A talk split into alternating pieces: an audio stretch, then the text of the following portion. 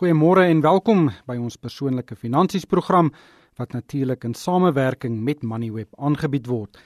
My naam is Ryk van die Kerk. Nou hierdie jaar het behoorlik gevlieg en ek kan bykans nie glo dat dit al amper Kersfees is nie. En vandag gaan ons gesels juis oor geskenke wat paas en ma's en dalk ook oupas en oumas vir kinders kan gee wat dalk 'n bietjie meer waardevol as 'n pop of 'n radiobeheerde motortjie kan wees.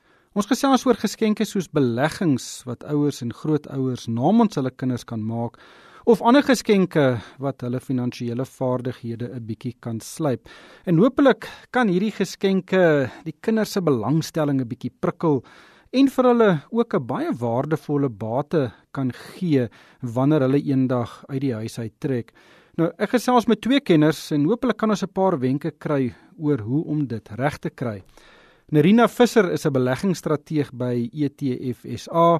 Sy is ook 'n finansiële kenner. Nerina, welkom by die program. Ons is nou juis in daai tyd waar ouers regtig rondhardloop om persente te koop vir kinders en baie keer spandeer hulle heeltemal te veel geld aan hierdie uh, geskenke en dan na 'n paar dae lê daai uh, pop of karretjie weet in die hoek want uh, dis gebreek of die kinders het belangstelling verloor.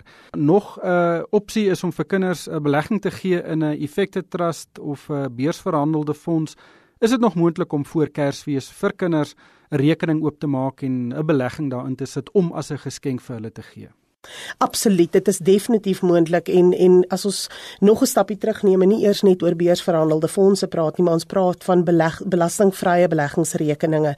My opinie is dat dit seker die heel beste geskenk is wat 'n grootouer of 'n ouer vir 'n jong kind kan gee. Ek weet dat daar baie mense is wat dink jy moenie um, vir 'n kind 'n belastingvrye rekening gee nie want jy gaan dan gaan jy die reg van hom wegneem om self later in sy lewe sy 500 000 rand te kan te kan bydra. My opinie is effens anders. Ek sê, weet jy wat, hoe gouer jy vir daai kind 'n blootstelling aan die aandelebeurs kan gee en 'n belegging kan gee, hoe groter is daai pot geld wat groei wat hy eendag op 'n op 'n kapitaalwinsbelastingvrye basis kan kry.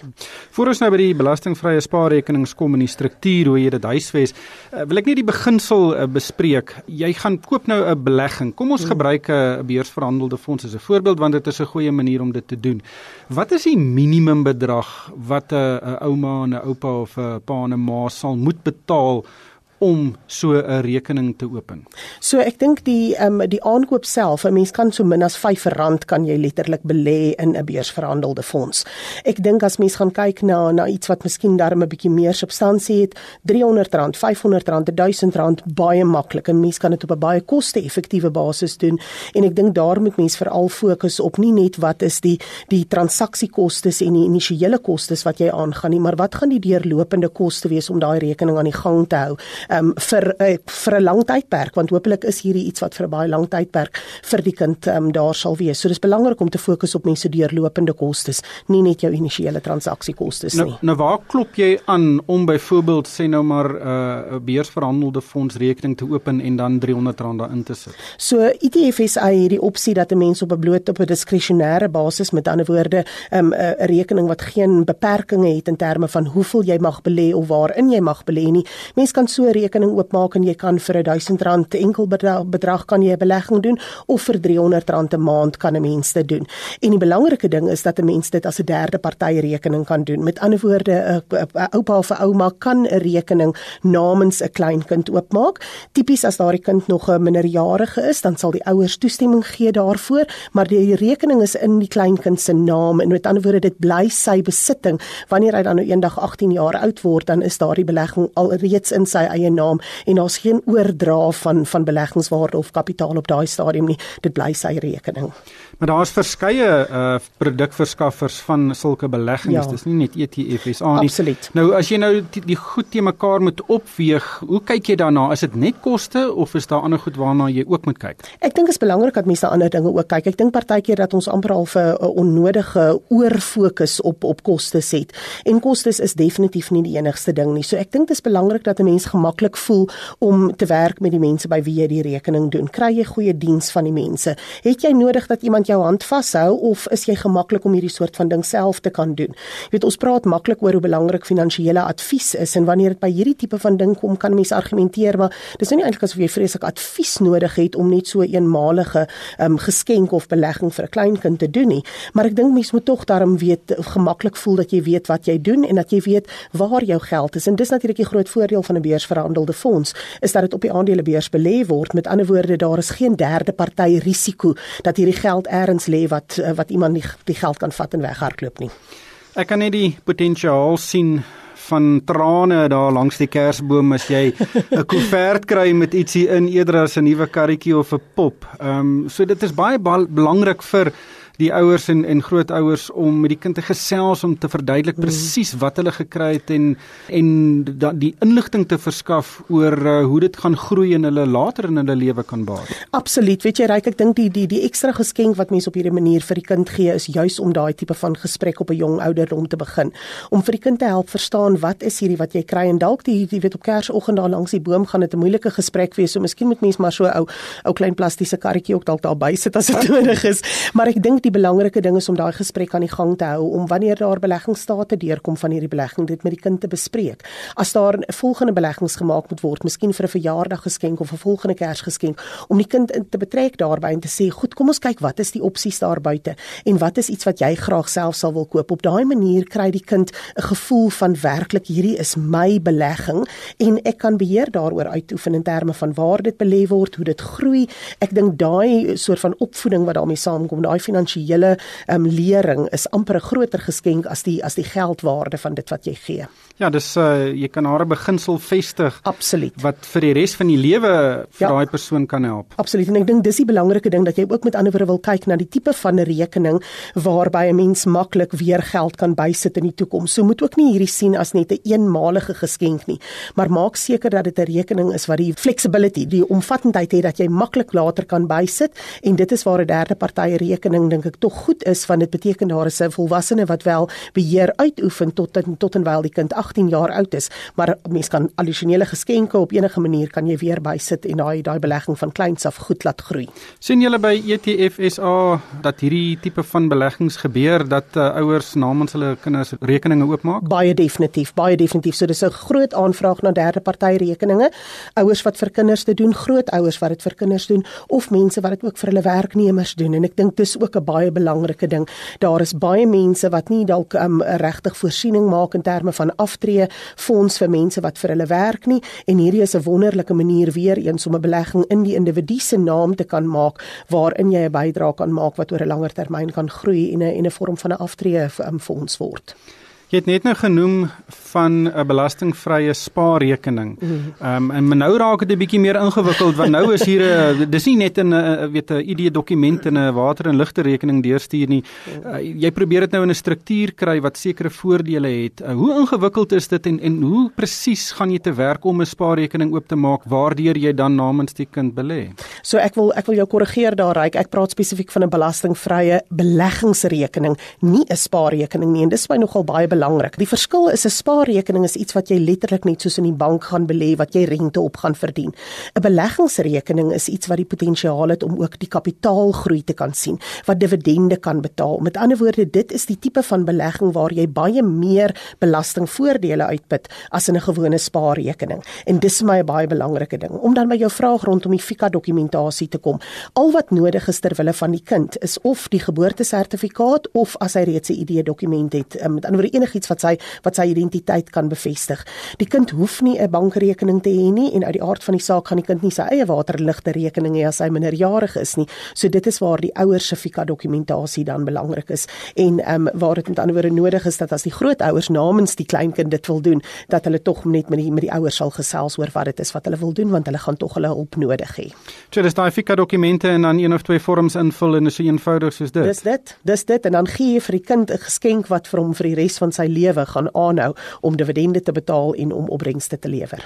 Ons het 'n reël in ons huis dat as jy geld kry vir 'n verjaardag of uh, een of ander manier, uh, dan word die helfte daarvan altyd gespaar en dis al ons maak altyd 'n groot ophef daarvan en en wys die state aan die einde van die maand en dis my altyd lekker om te sien as daai gesiggie so ophelder en sien ja. maar hier het geld vandaan gekom wat wat ek nie betaal het ja, nie. Dit ja, kom presies. Ek ek dink dit ons kan ons kan nie die waarde daarvan onderskat nie. Jy weet daai gevoel van hier kom geld na my toe waarvoor ek niks gedoen het nie. Ek het nie gewerk om hierdie geld te kry nie. En dit is wat opbrengste beteken en dis wat kapitaalgroei beteken. En en dis seker hoekom jou naam ryk is. Ja, wel dit is makliker manier van geld maak as om die swembad skoon te maak. maar uh, nie net uh, belastingvrye spaarrekenings nie, daar's baie ander opsies ook. Uh, Dink jy uh, miskien kan jy 'n belegging direk in 'n aandeel maak? Jy kan, maar weet jy wat, dit is 'n baie groot risiko en ek dink dit is 'n onnodige risiko om te neem. Ons weet dat oor die langtermyn gaan die grootste gedeelte van die opbrengs wat 'n mens uit so 'n belegging gaan kry, kom eintlik maar van die oorhoofse mark se beweging. Jy weet, ek hou daarvan om te om te praat van soos hoë gety en lae gety. Jy weet, die vlak van die mark of dit wat die mark vir jou gee is eintlik maar dieselfde as die gety waarna ons kyk. So ek dink om daardie addisionele risiko te neem om 'n enkele aandeel te koop is baie groot. Ek dink ons het die afgelope ruk genoegsaam gesien hoe maatskappye wat gesien word as absolute staatmaker beleggings 'n mens lelik aan dat tweede kom. So ek is maar 'n ou bangbroek jong, ek verkies maar om eerder met die beursverhandelde fondse om te gaan waar ek onmiddellik met 'n enkel belegging 'n goed gediversifiseerde mandjie van aandele kry. So ek neem aan jy gaan nie vir vir jou kleinkinders of kinders 'n uh, Bitcoin koop nie. Wel ek wou sê, weet jy, as ek nou vir die oue geskenk moet gee, daai ou wat klaar alles het, dan sal ek vir hom dalk 'n wel nie 'n hele Bitcoin nie. Ek het ek het geen vriende vir wie ek so lief is dat ek vir hulle 'n hele Bitcoin sal koop nie. Ja, dis nou al oor die 200 000 rand. presies, presies, maar 'n gedeelte daarvan absoluut. Jy weet as jy dis die soort van belegging dit wat mense doen met geld wat jy kan bekostig om te verloor. En ja, om 1 of 2% van 'n mens se welvaart daarin te hê, dink ek nie is te versmaai nie. Laaste een uh, as jy meer as een kind of kleinkind het, ehm um, doen jy dit saam in een belegging of uh, maak jy vir elkeen hulle eie belegging oop? Of hulle eie rekening oop? Ek dink dit is baie belangrik om vir elkeen sy eie rekening oop te maak. Um, dis baie moeilik om so 'n rekening wat in 'n gesamentlike bate gedoen is later te verdeel. So dis baie makliker om in die begin dalk 'n bietjie meer papierwerk te moet doen, maar om vandag een af vir elke kind sy eie rekening te gee. En ek kan maar net sê as die jongste van 6 kinders, glo vir my daar's baie waarde daaraan vir 'n kind, 'n individu om sy eie ding te hê, nie altyd te moet deel nie. Baie dankie Narina, dit was Narina Visser, sy's 'n beleggingsstrateeg by ETF SA. Ek gesels nou met Martin de Kok, hy is 'n finansiële raadgewer en 'n ouditeur en hy's van Escar Batebestuur. Martin, welkom by die program. Ons het net by Narina gehoor dat uh, daar 'n hele verskeidenheid finansiële instrumente is wat jy as 'n geskenk vir jou kinders kan koop. Uh, maar daar's baie ander dinge wat jy ook kan doen om finansiële vaardighede of die finansiële geletterdheid van kinders te verhoog. Hoe moet uh, ouers en en, en grootouers hieroor dink en wat kan hulle doen om dit vir kinders te gee? Ek dink een van die belangrikste dinge reik is dat die Afrikaners veral het 'n probleem om oor finansies met hulle kinders te gesels. Ek dink dit is tradisioneel 'n probleem en dit het die kinders tot 'n groot mate benadeel. So net die feit om gereeld oor finansies te gesels en finansiële dinge met kinders te bespreek van 'n klein uh, kleintyd af gaan al reeds 'n groot uh, voordeel vir kinders meebring. En dan ook uh, in terme van geskenke ek weet dit is vir ou oupas en oumas die lekkerste ding om vir klein hulle kleinkinders uh, geskenke te net om die gesiggies te sien en so aan. So maar ek dink op die lange duur is dit sinvol dat hulle dalk oorweeg om beleggings vir hulle kinders vir universiteit of na universiteit uh, te begin spaar. Maar ek dink om nie weg te vat van daai vreugde nie is om nog steeds dalk 'n kleinerige geskenkie wel te koop net om vir iets om oop te maak, om net die die gesiggies te sien en so aan. Maar ek dink lanktermyn is dit maar beter om uh, die sinvolle ding te doen en wel te te spaar vir uh, universiteit of na dit. En nie oorboord te gaan met die uh, pryse van sommige van daai geskenke nie. Korrek, ja. En wat ek ook uh, wil dalk net wil bynoem is ek dink wat en dis iets waarmee ek myself ook maar persoonlik worstel is ons wil altyd vir ons kinders gee wat ons nie gehad het toe ons groot geword het nie en in die proses gee ons dalk te maklik te veel en hulle leer nie wat is die waarde van goed nie. Ek is natuurlik 'n groot voorstander vir boeke en en vir kinders om te lees. Nou maar finansiële boeke en weet my kinders is 9 en 11 jaar oud. Weet 'n finansiële boek gaan nou nie heel bo lê nie. Ehm um, maar ek het tog gaan kyk op die internet. Daar is uh regtig honderde boeke beskikbaar uh wat vir jou finansiële beginsels in 'n kindertaal kan aanleer en en ek dink die soos jy vroeër gesê het, lees daai boeke saam met jou kinders en verduidelik hulle en en gee hulle die tyd, ehm um, of gee jou tyd om hulle te help uh, om daai beginsels te verstaan. Dis reg, ek dink een van die boeke wat nou onmiddellik by my opkom om en die boeke geskryf soos in die vorm van fables om uh om uh finansiële dissiplines of uh konsepte tuis te bring. En dis 'n boek van ehm um, van Klassen. Ehm um, uh, The Richest Man in Babylon. George S. Klassen. En daai boek is hy lees lekker want hy's 'n storieetjies wat vertel word. En in die stories kom daar die beginsels, die finansiële beginsels dan uit. So dit is 'n lekker boek om saam met uh jou kinders. En jy kan dit dalk is dalk 'n bietjie afhangend van hoe oud jou kinders is, dalk 'n bietjie hoog uh, geskryf. Jy kan nie byvoorbeeld vir 'n 5 en 6 jaar, maar indien jy die boek voor die tyd lees en net die die konsepte van die storieetjies vat en dit met jou kinders bespreek om in die aand voor hulle bed toe gaan, daai tipe ding gaan jy die konsepte uh, kan tuisbring. Ek het daai boek gelees 'n uh, hele paar jaar gelede en ek dink die groot boodskap wat uitkom is uh, saamgestelde rente. En natuurlik, kinders het hulle hele lewe voor hulle letterlik dekades waar hulle kan geld spaar en belê en die impak van saamgestelde rente daar kan geweldig groot wees. Ja, ek dink iets wat ek vir my kinders en hulle is nou al daar 'n bietjie groter al wat ek net vir hulle verduidelik het is net ons het die somme gemaak van iemand wat 'n uh, bedrag geld uh, belê vandat hy 18 is tot hy 28 is, soos vir 'n uh, tydperk van 10 jaar. Die aanname is wel dat die die opbrengs jaarlikse opbrengs is 10% en die per, die persoon se vriend begin eers op 29 dan dieselfde bedrag bydra, die eerste persoon hou op om by te dra. En wat fenomenaal is as 'n gevolg van die hele konsep van saamgestelde rente. Die een ou dra vir 10 jaar by, die ander ou dra vanaf ouderdom 29 tot 65 by en hy haal nooit die ander persoon in nie. En as jy net die sommetjies gemaak van wie wat bygedra het, die eerste persoon het baie minder bygedra en met die saamgestelde rente het hy aan die einde van die 65 jaar 'n baie groter belegging weet baie universiteite bied beleggingskursusse aan en en kursusse in finansiële bestuur met die oog op beleggings. Dit kan ook seker 'n doel dien indien jou kinders 'n bietjie ouer is. Ja, ek dink is goed om om dit uh um, sulke kursusse in goed by te woon. Dit hoef nou nie 'n formele kursus wees wat 'n graad of iets insit, maar uh, ek ek dink ons uh, iets wat ons uh, op 'n gereelde basis as adviseurs bywoon is opdaterings van die verskillende batebestuurders en baie van daai funksies is uh, is dan nie 'n koste aan betrokke nie. En om jou kind uh, uh, tiener kind saam te vat na so 'n aanbieding kan dalk vir baie sinvol wees en hulle dalk uh, motiveer om dalk in finansies betrokke te raak omdat dit vir hulle interessant is omdat hulle blootgestel word daaraan. Ek onthou toe ek nog op skool was, het ek 'n uh, inspirasie praatjie bygewoon van iemand uit die uh, finansiële bedryf en in van daai beginsels uh, onthou ek vandag nog uh, weer eens aandelemarkte gee op langtermyn die beste opbrengste en hoe jonger jy is, hoe meer aggressief kan jy wees en en sulke praatjies kan soos jy sê, as jy jou kinders saamvat daartoe, kan 'n geweldige rol speel en en hooplik van hy beginsels weer eens vas lê. Dis reg en ek dink as 'n mens mooi gaan kyk na jy, baie van jou basiese beginsels van belê.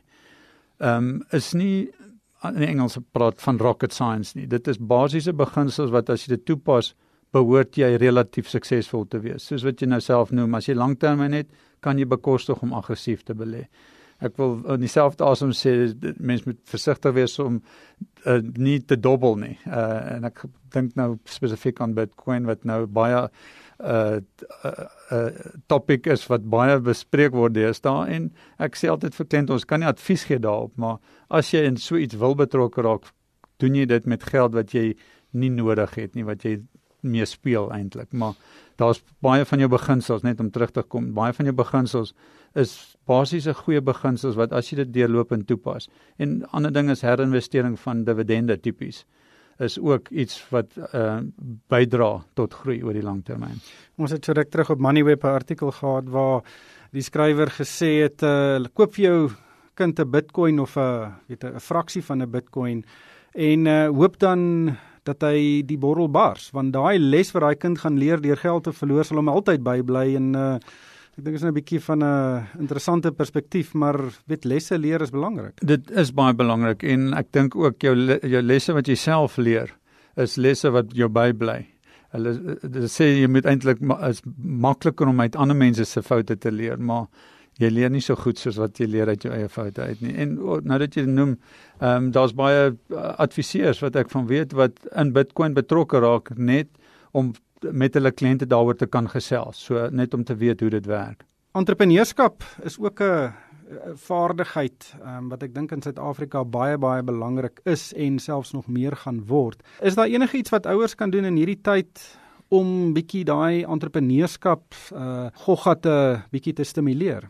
Ek dink wat wat belangrik is, ehm um, iets wat ek persoonlik toegepas het is dat ehm um, om kinders uh laat te laat werk vir hulle sakgeld. Die Engelse praat van chores, klein uh, werkies om in en om die huis.